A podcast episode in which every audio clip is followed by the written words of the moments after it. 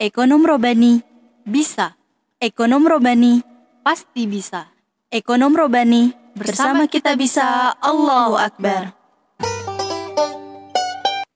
Assalamualaikum. Hello good people. Wilajeng sumping. Piye kabare? Elo-elo ajo endak nyoyo sadoe sana-sana.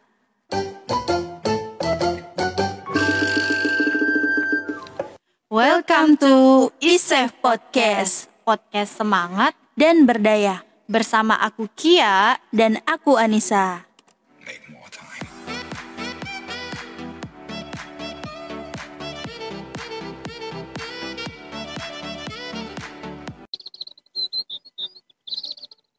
Seperti yang dikatakan oleh Bapak Kepala Negara Republik Indonesia yang ketiga, beliau mengatakan, sumber daya manusia merupakan kunci keberhasilan untuk masa depan suatu bangsa.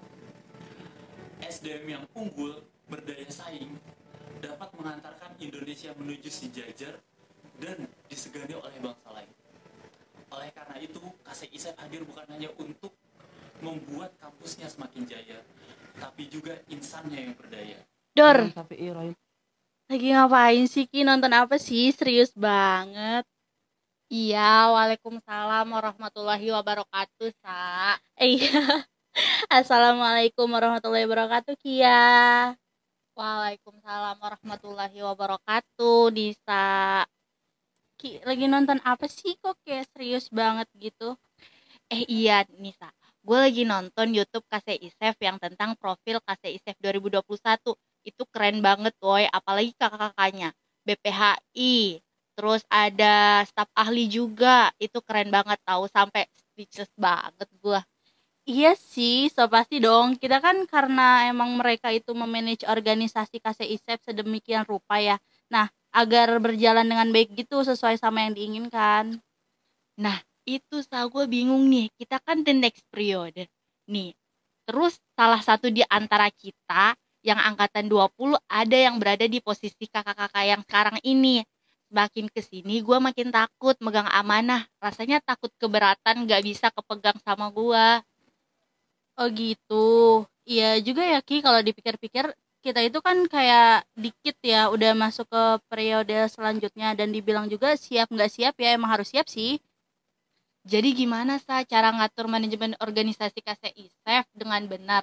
Lu tahu nggak? Intinya kalau lu nggak tahu jangan jawab ya. Dan jangan sok tahu Iya Ki, sans aja nih gue bawain nggak cuma satu orang sekarang gue bawain double nih sekalian biar kita bisa puas nanya apa pun ke mereka. wih siapa tuh sa panggilin dong Oke, kita langsung panggil aja nggak sih? Cek cek cek.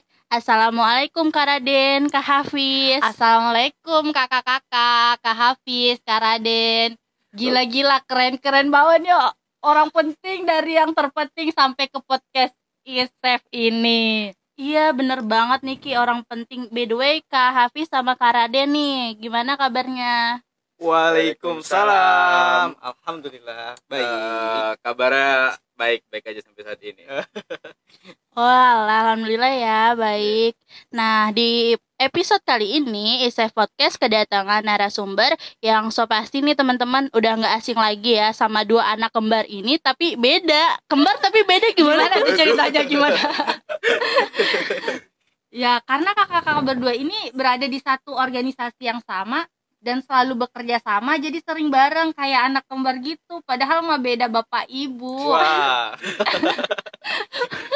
Oke, lanjut aja kali ya. Kita sudah bersama dengan Kak Hafiz Naufaldani selaku Chairman KCI ISEP dan Kak Radian Nafis. Nah, dia ini selaku Sekjen KCI ISEP. Dari sini so pasti udah banyak dong yang kenal di mana apalagi anak Sebi gitu ya. Pasti udah Iya. pada kenal. udah famous banget ini udah di mana-mana terkenal udah terkenal banget amin, amin, amin. Iya dong, Sa. Sekarang mereka selalu hadir di acara-acara dari yang kecil sampai yang besar. Mereka selalu diundang. Keren banget lah pastinya. Nah, bener banget sih Ki. Ya udah langsung aja nggak sisa biar belajar tentang manajemen organisasi KCI SEF kepada para suhu-suhu kita nih. Udah nggak sabar banget. Iya, udah siap. Udah siap nggak? Insya Allah siap. Iya. Siap, siap, siap. Siap nggak siap harus siap kayaknya. Nah, untuk Kak Hafiz sendiri nih ya Kak, kan Kak Hafiz itu yang mengelola sistem eksternal di KSISEP. Kalau boleh tahu nih Kak, apa sih sistem eksternal yang Kak Hafiz terapkan itu selama eh, di KSISEP ini? Oke, baik. Terima kasih banyak kepada Anissa sudah bertanya kepada saya. Sebelumnya, terima kasih banyak nih sudah diundang di podcastnya Anissa. Seneng gak kak? Seneng banget sih. Eh, ini bukan podcast Anissa Kak, ini oh iya, podcastnya Isep. Isef. Iya gimana sih kak? Oh, Aduh, lihatnya ke Anissa terus nih. Masya aduh, Allah. jangan gitu. Oke, baik. Bismillah. Kalau secara sistem sih sebenarnya tidak jauh dengan periode-periode sebelumnya. Sistemnya masih sama, tetapi memang eh, jauh kayak kita ini sekarang agendanya kan ada yang online, ada juga yang offline. Alhamdulillah. Kayak menghadiri seperti yang acara-acara untuk eksternal KC, saya biasanya menghadiri seperti Rakernas, Munas, Murek, Rakerek, dan nanti juga ada misalnya Temilnas, Temilrek gitu. Itu sih. Wow, banyak banget ya Iya. agenda-agendanya. Berarti Keren kayak eh, eksternal itu Kak Hafiz itu lebih memperkenalkan KCI Safe tapi untuk keluar gitu Iya, ya Kak, banget. membranding gitu ya. Betul banget. Iya, jadi di situ agendanya bukan hanya misalnya Munas, musyawarah nasional, di situ ada pemilihan presidium nasional dan sebagainya deh. Nah, di situ juga tugas saya juga memperkenalkan KSISEP kepada KC-KC lain di mana di situ ada forum-forumnya itu biasanya. Kita akan bercerita tentang KSISEP. Oh, KSISEP nih kajiannya seperti ini. Nah, biasanya itu saya sangat sangat luar biasa dari respon-respon di luar bahwasanya KSISEP ini sudah terkenal loh. Wow, Di seluruh serius. Indonesia. Keren Iya. banget. Alhamdulillah ya. Biasanya nih, lihat jaketnya aja nih, misalnya kita lewat dari Kasaisep Saibi nih. Nah, Wow. berarti sangat luar biasa kan? Dari jaketnya aja udah kelihatan iya, ya sudah kak. kelihatan Hmm, banget. hmm, Jadi gitu, alhamdulillah kan. Di situ kita sharing-sharing bareng terkait permasalahan-permasalahan KC, mungkin ada program-program yang bisa kita bicarakan dan sebagainya gitu sih lebihnya eksternal. Tapi secara sistem tetap sama kita. Bagaimana kita membawa diri kepada KC-KC lain gitu. Wah, iya berarti Kak Hafiz sendiri nih udah cukup baik, udah cukup sukses untuk Amin. untuk membranding KCI Safe keluar loh Ki, keren banget. Keren dong pastinya. Iya. Ini eh, Kak Raden mau ditanya nggak apa nggak? Banget kalau. Ya udah. Gak usah ditanya kayaknya ya. Iya, kalau untuk Kak Raden sendiri kan tadi kalau Kak Hafiz itu em, faktor eksternal ya, tapi nih setauku kalau Kak Raden ini tuh lebih ke internalnya nih. Nah, kalau untuk Kak Raden sendiri, sistem internal yang Kak Raden terapkan di KCI SEP ini tuh apa tuh Kak kira-kira? Oke, eh, untuk di internal ya mungkin gua eh, di tahun ini agak sedikit berbeda gitu dengan dengan yang tahun lalu karena Wih, berbeda dong. Berbeda gimana dong? Kita harus selalu berbeda setiap tahun kita harus selalu meningkat Upgrade gitu. ya. Iya. Iya. Benar, Upgrade, benar, benar. ah, ah. Karena eh, setelah gue pelajari gitu kan yang sistem tahun lalu sama tahun ini tuh agak sedikit berbeda. Iya bukan berarti tahun lalu itu jelek, bagus kok, Hmm. bagus justru gue banyak ngambil pelajaran juga di Oke. tahun lalu gitu kan yang diterapin di tahun ini gitu. Cuman kalau di tahun ini tuh kita sistemnya lebih terbuka aja ke staff, staff ahli, kadep dan lain sebagainya gitu. Nah, eh bahkan yang apa ya ketika kita ada info nih misal info dari regional dari posisi regional maupun dari posisi nasional itu kita biasanya langsung lempar ke grup umum gitu. Itu kan biar lebih terbuka kemudian eh, dengan melakukan pendekatan-pendekatan yang secara apa fisik ya kayak sering nongkrong bareng sama anak-anak dan lain sebagainya sampai-sampai eh setiap proker anak-anak coba ditanya ini gimana? dan lain sebagainya gitu tahun lalu juga menerapkan sistem kayak gini cuman eh, mereka itu kayak ini loh oh ya udah controlling tetap controlling gitu cuman eh, kadang kita juga konsultasi nah tapi tahun ini gue coba mendekatkan diri ke anak-anak dan lain sebagainya gitu Wah, iya sih, kayak kita juga berasa nggak sih Hmm. Ki kayak Kayak Kak Raden ini deket banget sama kita kita yang Iya. Ya. Iya, dia tuh Siapa kayak aja? kan kalau misalnya kita lebih enjoy kayak gitu kita juga iya chill gitu nggak sih enak kayak mau mau cerita Iya. tentang proker juga kak kita ada kendala Ah. proker di sini Jadi Kita- kakak aku kan, Nah. kita sama kakak-kakak juga yang lain. dan dan nggak cuman proker doang Iya. eh, bahkan ada yang cerita kayak habis kemarin ada yang cerita masalah pribadi kayak bang gue gini gini gini bang gue gini gini oh ya udah gitu lebih terbuka aja dan lebih Iya. enjoy aja nggak kaku-kaku banget gitu Iya. Berarti Kak Raden ini udah berhasil sih untuk mendekatkan ya, memberi pendekatan untuk anak-anak KC sehingga mereka itu kayak percaya loh, mereka berani terbuka untuk cerita apa pun yang ka- yang iya, dibilang tadi kayak masalah di luar KC pun kayak mereka tuh udah berani, udah enjoy buat cerita. Seenggaknya kayak eh, wah, ternyata KC ISEP ini wadahnya bukan hanya organisasi aja, Nah, kayak Hmm. keluarga. Iya, keluarga. Iya, itu kayak keluarga gitu. Rumah rumah gitu Iya, kan. iya. Eh, apa ya kemarin juga sempat ngobrol juga sama korek kan terus eh, kita kata korek itu juga wah mantap ya eh, sistem-sistem yang ada di save controllingnya Allah. gitu. Yang itu aku cerita yang masalah ini Eh, setiap rapat itu harus baca ADRT teman-teman tahu kan itu kan. Nah setiap rapat itu kan harus baca ADRT 5 menit kemudian 5 menit lagi didiskusikan gunanya buat apa buat teman-teman tahu kalau adalah ini loh land- landasan ISEF dasarnya ISEF anggaran dasar anggaran rumah tangga GBHU-nya kemudian grand design-nya kayak gitu dan akhirnya sekarang berjalan ya itu suatu kesenangan lah karena itu bisa berjalan dengan normal gitu alhamdulillah Hmm, Alhamdulillah. alhamdulillah Alhamdulillah banget. Oke, ini eh sekarang kita mau nanya ini deh. Kenapa sistem dalam sebuah organisasi organisasi itu perlu di-upgrade, Kak? siapa nih siapa dulu Iya, iya, silakan berdua.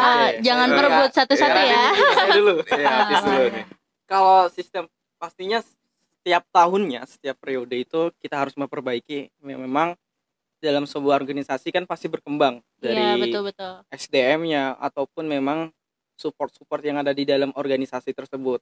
Nah, jadi kita harus memperbarui stri- setiap periodenya. Contohnya sekarang ini, kita kayak merasa ini masih online dengan di tengah pandemi COVID-19 yang belum usai sampai saat ini. Kita berpikir keras nih, bagaimana kita bisa organisasi ini berasa buat anak-anak. Itu yang kita terapkan dan berasanya tuh bukan hanya sebuah organisasi yang kita bilang tadi, bagaimana kita bisa menciptakan sebuah rumah dia bisa secara nyaman kayak keluarga gitu kalau misalnya dia lagi keluar udah aku kangen sama rumah nih nah kita mau menciptakan seperti itu ya bagaimana kita mungkin yang di luar Jawa kita lebih pendekatan yang ke Raden tadi mungkin dari personal ataupun dari kadepnya sendiri dan sebagainya. Gitu sih. Memang perlu kita harus upgrade setiap Oh iya, mantap banget sih. Kalau buat Kak Raden sendiri gimana nih coba? Eh, untuk mengupgrade sebuah sistem ya yang ada di di eh, sebuah organisasi gitu. Itu itu emang sangat sangat perlu gitu. Karena setiap tahun itu selalu mengalami perubahan eh, perubahan-perubahan zaman gitu kan. Iya. Eh, kayak dulu kita masih offline kita belum mengenal zoom sekarang kita udah mengenal zoom dan dan sekarang udah mau transisi lagi nih ke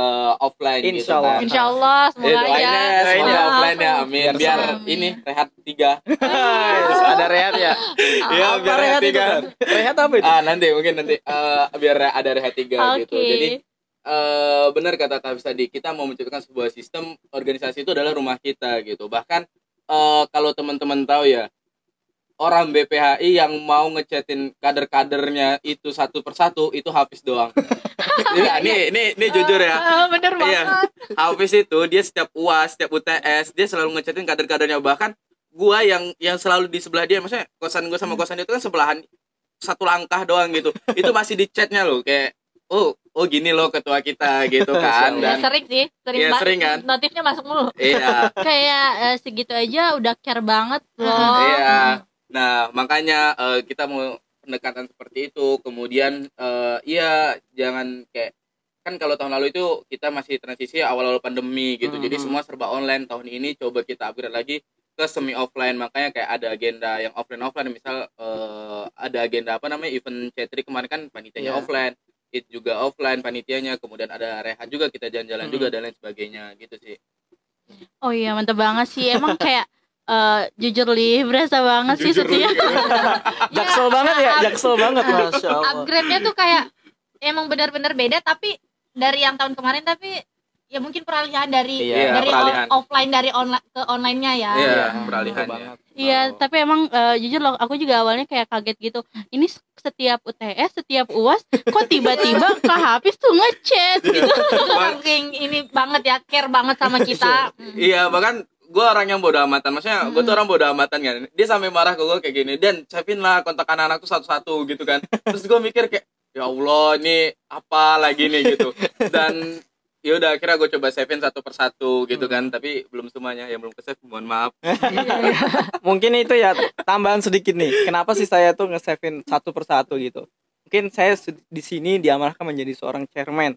Itu adalah su- suatu amanah yang diembankan kepada saya. Tetapi saya menjadi seorang manusia biasa gitu. Saya coba ketika terjun kepada teman-teman saya mau jadi teman kalian gitu. Ya seperti orang biasa. Iya, iya. tetapi memang ada amanah untuk di samping saya itu chairman gitu. Tapi saya ingin bergabung kepada teman-teman mungkin ngobrol lewat chat. Makanya saya sering buat ya kata-kata motivasi deh. Sedikit kalau misalnya uas misalnya nge-reply status gitu. Jadi kayak merasa wah chairman kita ini kayaknya wah sangat care banget itu. Iya, alhamdulillah sih kalau misalnya bisa membuat care kepada teman-teman semua gitu. dan dan disclaimer ya kita berdua bukan modus ya tidak modus tidak Iya, modus iya, Tidak sama tahu. sekali ya iya kak apa Iya. Kalau kalau modus tuh hanya ke satu orang, tapi ini tuh Nah. satu anggota eh bukan satu loh, semua anggota Semua KCI Sep. ada 96 yang dicetin sama dia serius itu satu persatu loh 96 orang Wah, bikin broadcast nih pasti.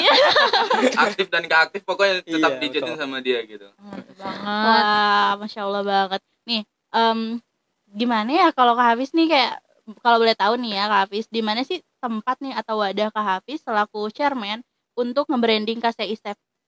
tempatnya ya Hmm. tempatnya sih rebrandingnya pastinya lewat sekarang nih yang zaman zamannya tuh media sosial situ Wow. kita buat setiap ada kajian misalnya budaya baca ada kajian studi basic dan kajian-kajian di dalam KCI Saf itu cara branding yang mudah itu ya lewat eh, akun sosial media kita sendiri lewat story Instagram ataupun story WhatsApp dan sebagainya.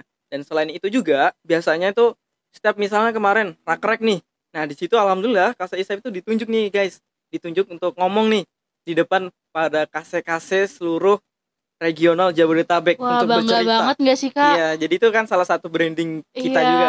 Di situ lebih ke sharing sih kepada kase-kase lain bahwasanya Kase Isep sebagai eh, begini bentukannya dan ada kajian ini sangat menarik nih gini-gini. Itu salah satu branding saya sendiri itu kan dalam se- selain dari sosmed juga lewat secara langsung misalnya saya sering misalnya ada ketua kase dia ada kajian saya ikut biasanya kajian-kajian yang ada di kase lain sebagainya itu sih kalau saya. Gila, berarti banget. salah satunya tadi yang lewat sosial media ya? Itu Iya. penting banget soalnya kita anak muda. Betul mainnya banget, sosmed sosmed betul semua. Oke. Iya sih. Oke lanjut nih kak. Eh, kapan sih kak Hafiz dan kak Raden belajar dan mulai menerapkan tentang manajemen organisasi seperti ini Wah. sehingga semua bisa berjalan dengan amanah dan istiqomah nih? Kalau dilihat-lihat tuh kayak Wah, sangat Hmm. istiqomah. amin Amin. Karaden Karaden dulu kayaknya dijawab eh Karaden kapan dan di mana ya belajarnya ya. Eh, sebenarnya belajarnya awal banget ketika SMA itu udah udah apa namanya udah mulai tertarik dengan dunia organisasi gitu kan waktu itu ya masih skala eh, provinsi waktu itu eh, megang dan kebetulan diamanahin jadi BPH-nya dan dari situ udah mulai tertarik nih kayak wah ternyata bukan cuman partai politik loh yang yang memiliki yang menerapkan sistem politik gitu loh. Tetapi organisasi juga ada politiknya gitu bahkan juga keras juga saingannya di situ. Nah di situ aku mulai penasaran aku nggak tuh. Gua mulai ya nggak apa-apa kak. Nggak apa-apa di sini kita santai-santai aja mau ngomong Iya. pakai bahasa apa aja tuh bisa. Eh, nggak apa-apa ya. Asal jangan bahasa aliensi kita nggak ngerti. wah siap-siap dari Pluto bukan dari Pluto kita. Ya eh, mulai dari situ gue mulai tertarik nih dengan dunia organisasi gitu kan kayak wah ternyata ya, ini gini ya mainnya ya. Oh senggol-senggolannya gini ya gitu. Dan akhirnya eh, teruslah berorganisasi sampai tamat SMA pada saat itu gitu. Kemudian tamat SMA ngegap year setahun dan ya udah berhenti semua. Dan akhir eh, mulai lagi di masa kuliah gitu kan. Masa kuliah itu awal mula tertariknya itu ketika eh, ngelihat pada saat itu Bang Nijar presbemnya Mm-mm. ketika kita pro PK tahun 2019 ya Fis ya? Iya dari ada Bang Nijar presbemnya eh, saya dulu mikir kayak wah kayaknya asik tuh kalau bisa berpidato di atas mimbar di depan orang banyak gitu kan. Motivasinya Langsung mimbar. gitu. Iya, ketika pro PK pada saat itu gitu. Dan akhirnya eh satu semester berlalu liburan semester pulang ngobrol sama orang tua dan orang tua juga bilang bahwa ya silakan diikutin organisasi gitu. Karena itu pengalaman relasi dan lain sebagainya gitu. Akhirnya saya mulai tertarik di situ dan coba-coba nih masuk masuk ke ISEF nih nyoba nih kan. Dan eh, akhirnya pas masuk ke ISEF wah ternyata di kampus kayak gini loh din- eh, dinamika organisasinya gitu berbeda ketika kita SMA gitu yang masih bocil-bocil gitu kan tapi Dan di- masih di- ruang lingkupnya kecil ya Iya kalau masih sekolah itu. kecil banget. gitu. Tapi kalau udah mahasiswa nih semua pemikiran orang tuh berbeda. Setiap orang memiliki gagasan gitu kan. Akhirnya mulai tertarik di situ, coba join dan eh, awal banget itu ketika jadi eh, anggota divisi acara pas Itemirek tahun lalu, Itemirek eh, 6 berarti ya. Dan di saat itu juga dapat amanah juga menjadi ada ketua pelaksana acara eh, alur kaderisasi yang kedua di kampus juga gitu kan. Dari situ mulai tertarik tuh wah ini kayaknya seru nih kalau kayak gini nih jadi nggak bisa gabut lagi nih di kosan nih gitu kan Iya, bener banget. Iya. Gabutnya bermanfaat ya sekarang. iya Sekarang kalau jadi mahasiswa emang gitu kayak pemikiran kita tuh sama pemikiran yang lain kayak iya harus disatuin tapi dengan cara yang bener-bener. Iya. gitu. Ah, benar juga Mhm. gitu dan eh, sampai pada saat ini gitu. Bahkan sampai eh, ketika pencalonan pun kayak oh, udahlah malas lah gitu kan. Dan eh, akhirnya coba niat dan ya udah Hafiz nunjuk jadi sekjen. Pas Hafiz nunjuk jadi sekjen tuh gue langsung mikir gini mau ngapain ya jadi sekjen ya gitu. Tapi kan sampai sekarang Eh, lihat. Insya Tapi ternyata keren kok. Keren. Iya, Keren banget, itu keren banget. atas bantuan teman-teman semua gitu. Iya. dan eh, ada mungkin juga berangkat dari beberapa keresahan gitu kan yang Hmm. harus diperbaiki di tahun ini gitu. Nah, kalau dari Kak Hafiz sendiri gimana kak? Kalau saya sendiri sih dari segi dari SMA sih alhamdulillah sudah berorganisasi dan pernah diamanahkan tuh menjadi ketua OSIS dulunya. Oh keren. Oh ya Tahun- pernah lihat videonya sih. Oh, pernah lihat videonya. Pernah, pernah. Oke. Yang di PMB. Heeh, Nah, di benar-benar. PMB. Jadi pernah jadi ketua OSIS di situ. Awal mula saya terjun organisasi itu di situ. Menjadi ketua OSIS. Tapi menjadi ketua OSISnya masih pelangap-pelongo ya udah nge- ngejalanin yang sudah diperintahkan oleh guru, ya kita jalanin gitu, nggak ada program-program dan sebagainya. Tapi saya punya kayak tujuan, wah kayaknya memang serunya organisasi. Pertamanya awal-awalnya memang aduh susah banget kayaknya organisasi apalagi kalau menjadi ketua gitu. Tapi kan alhamdulillah sekarang Jadi chairman. alhamdulillah. Sombong ya. Alhamdulillah. Masya Allah. Ya itu dia. Saya belajar dari situ. Terus masuk kuliah saya bertekad nih. Saya dulu orangnya kalau misalnya ngomong di depan orang. Ini teman-teman spill. Saya dulu masih menjadi ketua OSIS itu belum berani tuh ngomong di depan orang. Itu salah satunya. Dan bi- belum bisa merangkul banyak orang itu. Ini bagaimana sih tugas ketua dan sebagainya. Itu saya belum tahu sama sekali. Nah ketika kuliah saya punya tekad nih. Bismillah, saya ingin mengkeluar keluar dari zona zona nyaman saya untuk bisa mengupgrading diri saya bisa up gitu level up lah bahasa kita sekarang nih. Gitu. Alhamdulillah juga saya belajar juga pernah kayak di kelas-kelas kayak lagi presentasi coba saya ngomong belajar dari situ dan sebagainya. Terus belajar manajemen organisasi itu ketika saya menjadi staffnya Kasisef di staff Kominfo nih. Kalian kan Kominfo kan? Wah, Kok jadi flashback ya? iya jadi saya tuh awal mula untuk bagaimana sih menciptakan organisasi yang asik di dalam itu di dalam departemen. Di situ pas itu alhamdulillah kepala departemennya itu Kak Opang. Nah itu dia. Oh iya, Alhamdulillah. kenal-kenal Kak Naufal Sarin ya. Iya Kak Ahmad Naufal Sarin panggilannya Kak Opang di situ. Saya belajar wah sangat luar biasa sih beliau gitu. Belajar dari beliau juga menjadi seorang kepala departemen yang asik dan bisa merangkul tetap prokernya tetap berjalan dengan bagus dan sebagainya gitu. Nah awal mulanya di situ tuh dan akhirnya dicalonkan di dicalonin dan jadi ketua sekarang sangat luar biasa gitu saya tidak menyangka gitu bisa mengurus wah organis organisasi terbesar gitu di kampus saya gitu maksudnya terbesar salah satu yang terbesar di kampus saya di STCB gitu Keren sih, keren. keren.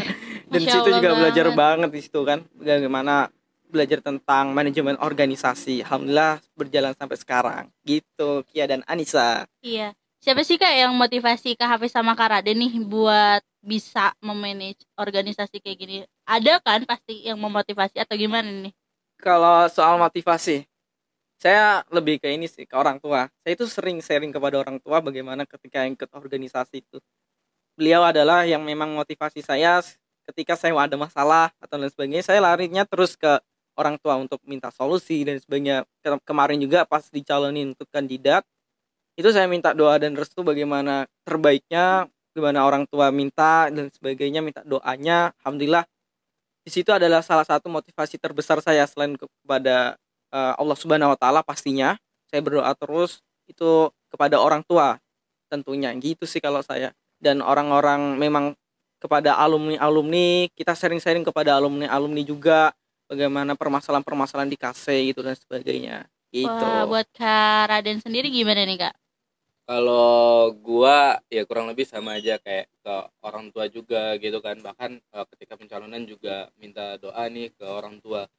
eh bilang mau ini doain semoga sukses ya gitu kan. Kemudian eh, terakhir juga ngomong, "Umi doain doain aku ya buat di organisasi semoga lancar-lancar aja semuanya." Itu Iya, pertama dong. Kemudian yang kedua juga yang motivasi itu adalah Bang ada Bang Rizal namanya. Allah. beliau itu kepala departemen Human Capital Management tahun lalu eh tahun berapa? 2021 ya? 1920 ya? Eh, tahun berapa sih? 2021 ya? Kita berapa? iya 2021 Iya, 2021. lupa ini maaf, maaf. 2021 Iya. 2021 Eh 2021 eh, pada saat itu gua nemenin dia gitu ngambil barang-barang. Kan beliau tuh dulu marbot ya marbot di salah satu masjid di mana tuh gue lupa nama daerahnya ngambil barang barang dia di situ dan banyak sharing lah sama dia. Dan pada saat itu juga gue merasa wah nih Isef nih lagi kayak gini nih gitu kan. Dan lagi ada keresahan juga ngobrol sama dia gitu. Dan ternyata dia motivasi gitu. Eh ada satu kalimat yang bikin saya kayak wah iya juga ya gitu. Kalimatnya itu adalah gini kata Bang Rizal tuh gini dan eh lu sebelum lu nanya apa yang sudah Isef berikan ke lu coba lu tanyakan kepada diri lu sendiri gitu. Apa yang sudah lu berikan buat Isef gitu kan? Karena eh gini dia cerita. Gua tuh dan ketika gua ngelamar kerja di BI organisasi yang gue bawa itu cuman kasih Isef dan alhamdulillah lancar katanya gitu. Dan eh, dari situ gue langsung mikir kayak oh iya ya sebelum gue bertanya nih kayak apa nih benefit yang Hmm. yang bisa gue dapat dari Isef? Kan kadang ada tuh orang yang ketika melakukan apa-apa dia selalu ngomongin benefit benefit ya Iya. benefitnya itu berupa uang gitu lah kan. Apa nih Hmm. benefit? Dan ternyata nggak cuman itu loh benefit yang bisa gue dapatin gitu. Tadi kata bang Rizal itu eh, sebelum lu bertanya apa yang Isef berikan buat lu coba tanyain ke diri lu sendiri apa yang sudah lu berikan buat Isef gitu. Dan alhamdulillah sekarang kerasa gitu ketika kemarin daftar magang gitu kan. Eh, bukan magang pelatihan sih lebih tepatnya gitu gue di prof di CV itu cuman nulis eh, ya agenda kampus doang gitu kayak misal eh, jadi panitia kemudian ada ISEF juga dan alhamdulillah keterima dari 46 orang yang mendaftar itu yang keterima cuma 12 orang gitu kan Wah, Wah. masya Allah banget. Eh, dari situ gue langsung kayak oh iya bener juga kata Bang Rizal dan akhirnya sampai sekarang kita enjoy aja buat ngejalaninya gitu karena eh ya emang kita ngasih apa gitu sampai-sampai kita mau minta feedback yang lebih gitu Iya, betul, gitu Bang. sih Tapi memang pengalaman itu nggak bisa dibayar dengan uang sih kayak. iya betul banget Iya. Iya, iya. Eh, bahkan ada salah satu eh kader Isef, eh, ada salah satu kader Isef dia ngomong gini kemarin. Eh, dan gue nyesal tahu kayak nggak terlalu aktif gitu di Isef gitu kan. Terus gue tanya, nyesal kenapa gitu. Terus kata dia, ya banyak eh, ilmu-ilmu yang nggak ada di kuliah yang yang bisa kita ambil dari organisasi Bener gitu sih. Nah, gitu dan eh, dari situ gue mulai mikir kayak oh iya juga ya ternyata organisasi perlu gitu untuk mendapatkan apa yang nggak kita dapatkan di mata kuliah gitu Hmm. Ya, eh, berarti salah satunya tadi yang paling terpenting itu dari orang tua Oh, karena jelas, ridho jelas, orang jelas tua banget. itu udah Ridhonya Iya, Allah juga. iya betul banget Jelas. nah betul banget Iya. Eh, gimana sih nih Kak Raden dampak ISTEF di masyarakat? aduh. Kalau bicara dampak masyarakat Karaden ini. Iya saya mungkin makanya. nanti tambahan aja sedikit. Kayak Oke. Kak Raden lebih dekat sama masyarakat masyarakat jadi ya langsung ke Kak Raden aja. Oke siap. Eh, dampak ISEF buat ke masyarakat. Mungkin ini eh, lebih ke eksternal tapi aku eh, coba bantu jawab karena eh, ini kan lahir dari dari sistem-sistem yang ada di internal juga gitu kan. Eh, mungkin dampaknya ya kita nggak nggak terlalu berdampak kayak mungkin ada yang lain itu yang dia sampai datang ke mana ke ke tempat ibadah gitu kan atau ke ke mana gitu tapi kita coba memberikan dampak nih eh, ke warga-warga sekitar yang bisa kita jangkau gitu misalnya ke anak sekolah gitu kita ada yang namanya eh, GTS. Ghost to School iya betul Nah itu ada di Departemen Ekspansi Oh, iya, dan Keilmuan. ekspansi. Iya. Iya. Nah eh, kita melalui eh, platform itu atau medianya itu tuh GTS itu tuh biar kita bisa memberikan dampak kepada anak sekolah nih memberikan pemahaman terkait ekonomi syariah gitu. Jadi eh, kita ngadain kayak apa sih privat atau apa? Batch ada per batch ya Iya, Eh, ada. ya sorry sorry kalau di sekolah tuh apa namanya? Eskul gitu lah Oh, kayak, iya, ya, iya. kayak gitulah Eskul, intinya kan. nah kita ngadain itu kan. Nah kemudian eh, juga kalau ngomongin dampak ya apa lagi ya kemarin juga sempat kita kan ngundang warga juga tuh Oh, Iya, iya. agenda apa itu, Kak? Islamic. itu, Oh, Islam- iya. ya, yang Islam Economic Days itu ya kampanye untuk masyarakat ya. ya kampanye ekonomi syariah syariah. gitu kan nah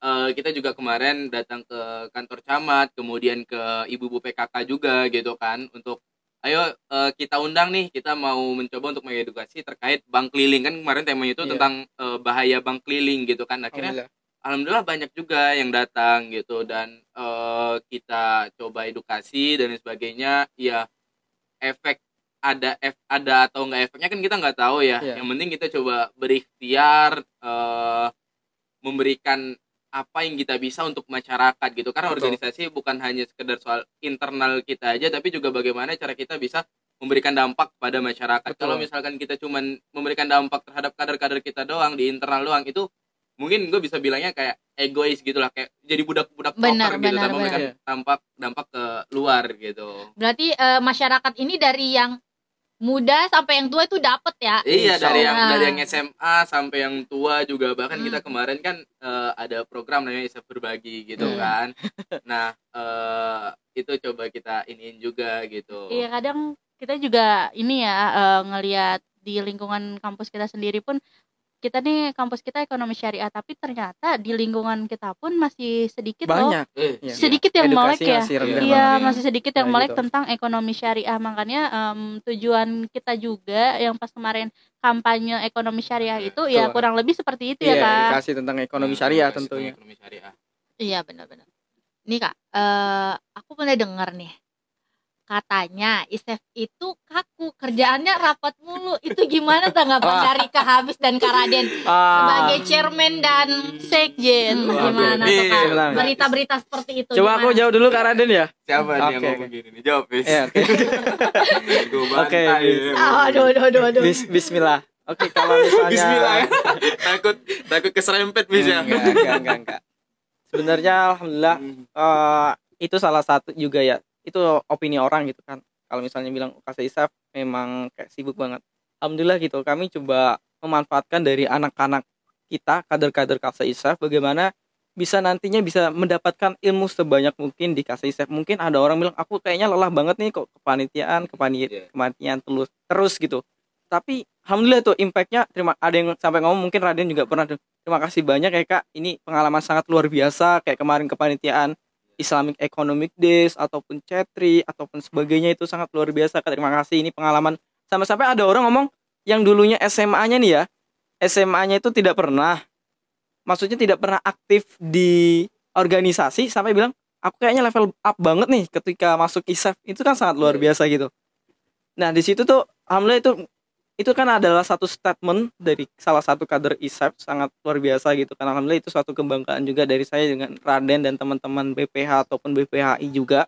Jadi itu sangat luar biasa. Kalau misalnya ada bilang eh, kaku-kaku amat sebenarnya kami tuh mau membuat tadi bilang ya sistem yang kami buat itu kita mau coba kita tetap serius tapi mengemasnya itu dengan serius tapi dengan asik gitu. Iya. Tidak ada gap antara BPHI dengan para kader ISAF dan sebagainya gitu sih kalau dari saya Kayaknya Bisa- mereka nggak tahu aja ya. aduh nggak saya nggak saya mau jauh gitu mungkin nanti mungkin bisa join di kasih ISAF promosi ya bentar lagi oprek kita ya nggak Raden nggak Raden gimana Iya, Raden? eh, mungkin aku gua gua bantu jawab sedikit ya. Eh, kata orang Isef terlalu kaku gitu. Iya. Ini eh, bahkan dari kader Isef pun ada yang mengatakan seperti ini gitu. Dulu sebelum it ya. Nah, kader Isef tuh ada yang mengatakan seperti ini. Bang, gua kira dulu tuh Isef tuh kaku gitu. Bahkan gua sendiri mengira bahwa Isef itu kaku gitu. Gue ingat pertama kali daftar itu, gua langsung mikir gini, ngapain ya gue di Isef gitu ya? Kaku banget ini.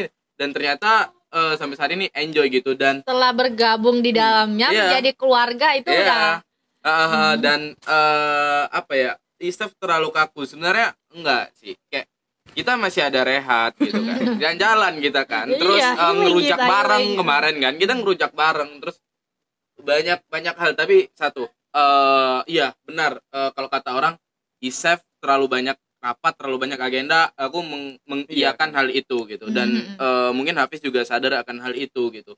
Bahkan untuk persiapan agenda nasional aja dua bulan Eh, bisa. dua dua bulan. kan kurang lebih gitu kan. Nah aku gue gue gue mengakuin hal itu gitu. Cuman gini eh gue sempat ngobrol sama sama organisasi maksudnya organisasi lain lah gitu kan. Dan eh, bahkan dia nanya ke gue gitu kayak dan ini anak-anak gue gimana nih? Kayak gini kayak gini gitu dan sebagainya gitu. Terus gue kasih saran kayak gini kayak gini dan sebagainya gitu. Tapi ya tetap dia tetap kekeh dengan argumennya dia bahwa oh gue nggak bisa kayak gini nggak bisa kayak gini. Terus gue ya udah gitu dan eh yang paling bikin gue terharu itu adalah ketika kader-kader ISEF itu nggak ketika gue eh ada satu salah satu acara di eksternal eh, itu gue malu sih Aduh, gak usah nyebutin inilah Iya, ya iya. acaranya apa lah ya. Ah, nah nggak usah Uh, ini ada di salah satu eh, acara eksternal yang mana di dalam di situ tuh ada presiden nasional Fuse gitu kan ada dua orang atau tiga orang pada saat itu gitu kan. Kemudian gue bilang nih ke salah satu kader ISEF nih itu loh Presnas Fuse kita sekarang gitu. Hmm. itu yang kaderisasi. Itu eh, bidang kelembagaan gitu. Nah ini mantan Presnas Fuse yang bidang kelembagaan gitu kan. Terus dia bilang gini wah iya kayak iya eh, terus gue bilang terus dia bilang gini selama ini ngelihatnya dari Instagram doang gitu baru sekali ini ngeliat. Gue di situ kayak wah gini ya Eh, rasanya kayak gue coba bawa anak-anak nih untuk memperkenalkan sama dunia Fuse dan ternyata respon respon dia kayak kayak gitu gitu loh. Dan eh, ketika itu juga kita makan bareng sama salah satu kasih luar gitu kan. Eh pada saat itu ya akhirnya kita bisa ngobrol lah sama salah satu kasih kasih kasih luar yang ada di Tangerang gitu ya. Dan eh, yang bikin banyak yang hal yang bikin gue terharu gitu. Misal kayak ada anak isef yang ngomong gini bang gue semenjak habis it kemarin gue berani ngomong di di rapat gitu Bener, wah bener. gila itu itu kayaknya aku banget sih. Iya. Kayak dia kemarin-kemarin nggak malas ngomong gitu. iya dia dia itu yang yang awalnya eh gue gue nggak kalau ngelihat dia gitu kayak ya udah dia diem aja kaku gitu tapi setelah it kemarin dia langsung songong kayak Songong gitu. eh oh bang ini gua nih bang gitu macam-macam sama gua kalau kalau di online ya lu li- lihat kinerja Iya. gua kayak gini ya tapi kalau offline coba aja lu lihat kinerja gua katanya Iya. gitu kan dan eh, pas di TO pun ternyata sebutkan Enggak apa. ya intinya namanya nggak kesebut lah ya. Eh, pas TO pun pas gue lihat eh, dia juga ternyata aktif gitu. Bahkan dia sempat bilang gara-gara isef gue bisa kayak gini bang gitu. Dan eh, pas closing it juga kemarin ada yang bilang eh, bang makasih banyak. Udah udah sabar banget eh, ngadepin gua yang batu kayak gini gitu kan. Eh, itu Batu. Ba- iya. Maksudnya bocah gue gue kenal dekat sama bocahnya nih. Gue gue kenal dekat sama anaknya nih gitu kan dan dia sama gue tuh ya satu frekuensi gitu lah kayak kayak ya julid julid dan lain sebagainya gitu lah kan nah itu eh hal-hal yang bikin gue terharu gitu eh masuk nggak obrolannya masuk kan Masuk, Nyambung kan? masuk, Iya. masuk. improvisasi Berarti ya, Improvisasi. itu saking kayak nyamannya ngobrol ya. iya Ya, udah nggak enak terasa.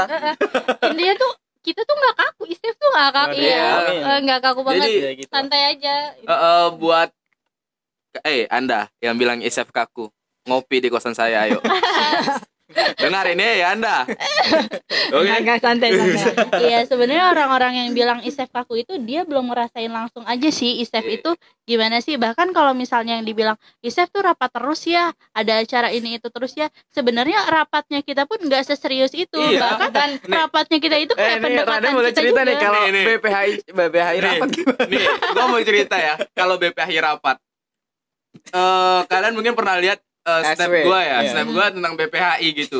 Grup BPHI itu jadi tempat sambat-sambatannya para BPHI serius misal kayak gue gue kemarin habis evaluasi wih gue diginiin nama dosen masa gue dibilang gini masa gue dibilang gini? Udah gitu. jadi nggak kayak BPHI ya. bahkan Kiki tuh sempat ngirim gini eh, ada dia ngirim gambar gitu kan. Terus kata dia gini ini buat kalian bahan bucin katanya gitu kan. Jadi serius jadi jadi BPHI ISEF itu ya udah kita enjoy gitu. Bahkan gue gue bilang ke teman-teman BPHI karena gue yang eh, punya kendali buat rapat gitu kan gue bilang ke teman BPHI gini pokoknya setiap habis rapat kita harus ada yang ngejok sama harus ada yang ngasih quotes gitu dan akhirnya Azma Azma yang, Yang dulunya. yang dulunya nggak bisa ngejok dia sekarang ngejoknya pintar banget gitu iya serius kayak gue yang ini loh bis yang Apa itu?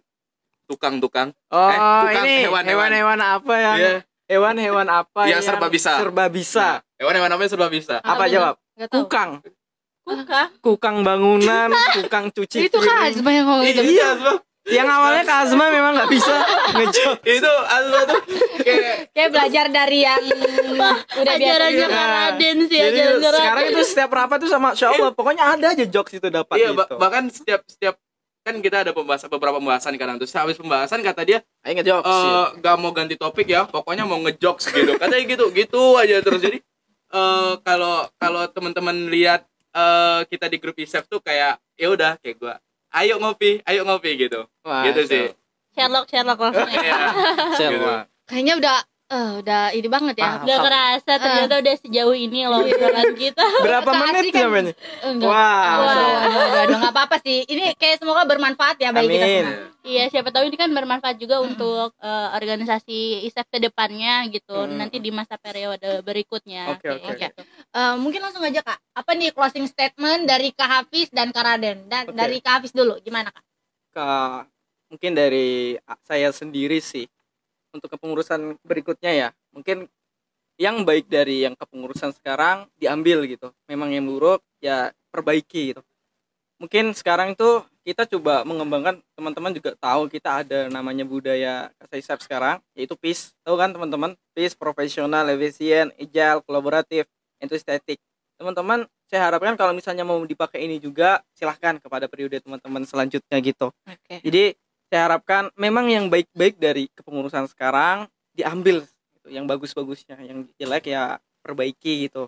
Dan mudah-mudahan juga apa-apa yang kita sudah berikan kepada teman-teman semua nantinya untuk manajemen organisasi dan sebagainya itu ambil eh, dan diterapkan kepada adik-adik yang selanjutnya. Mungkin itu sih dari saya. Oke, kalau dari Kak Raden sendiri gimana kak? Oke, eh, closing statement ya apa ya? Oh, ini aja deh. ISEF bukan cuma tentang kader-kadernya aja, memberdayakan kader-kadernya aja, tapi ISEF juga bagaimana cara kita untuk memberdayakan masyarakat sekitar gitu. Gitu sih eh, closing statementnya. Oh iya. Singkat, padat dan jelas ya. Dan Oh iya, Kia, saya ada lupa nih. Kan tagline kita tahu nggak apa? Semangat berdaya kan. Oh iya. Nah, itu salah satu ikhtiar kita bagaimana bisa berdaya kepada masyarakat tadi itu berdampak kepada masyarakat tentunya gitu. Oh iya. Dan satu lagi, punten. Apa? Iya. ya apa-apa, Lagi apa-apa. Menurut saya suatu organisasi dibilang berhasil ketika dia menciptakan su- suatu organisasi itu seperti keluarga. Tuh. Wah, iya. Dia nyaman. Hmm. Iya, nah, itu betul, mungkin betul. teman. Tapi di awal ini tadi tuh sempat nyinggung rehat. Boleh di-spill kali ya rehat itu Wah. apa tuh? Nggak tahu nih Pak Sekjen, rehatnya mau ke mana lagi? Aduh, Banyak rehat juga. anak-anak gua minta rehat semua nih. Bapaknya yang pusing. Ya, eh, ininya aja Kak. Rehat itu apa sih kok? Kayaknya cuma ada di ISEF aja rehat. Nah, Aduh, Pak Sekjen. cuma ada di ISEF doang nih. Fakta sih. ya, jadi rehat itu eh, renovasi hati dan tenaga. Ini berawal dari keresahan saya juga di tahun lalu. ISEF mana nih? Nggak ada rapat. Eh, nggak ada rapat. Nggak ada jalan-jalan. Oh, Nah, Oke, intinya jalan-jalan ya. ya Allah. ah, Kayaknya ah, terus eh makanya dari situ coba diadakan rehat renovasi hati dan tenaga gitu jalan-jalan aja biasa Oke, mungkin Oke, itu. oke selanjutnya deh. Ntar di luar forum nih bisa ya. Iya. Nego-nego. Teman-teman nego. yang mau tanya-tanya boleh sabi banget di Iya, PC Kak Radennya aja. Kak Raden aja bukan saya. Iya. Kayaknya kalau mau nanya nanya di sini semua kayaknya ini sampai berhari-hari nih Wah, tujuannya. betul banget. Gak habis-habis nih takutnya. Ya udah. Nah, nggak kerasa eh, kita tuh udah ada di penghujung podcast. Sampai jumpa lagi di segmen ISEF Podcast selanjutnya. Makasih Ya, Kak Hafiz, Terima Kak kasih Raden. semuanya. Makasih, makasih, makasih. Terima kasih sudah mendengar podcast saya. Makasih, makasih. Oke. Oke, stay tune. Assalamualaikum warahmatullahi wabarakatuh. Wabarakatuh. Waalaikumsalam.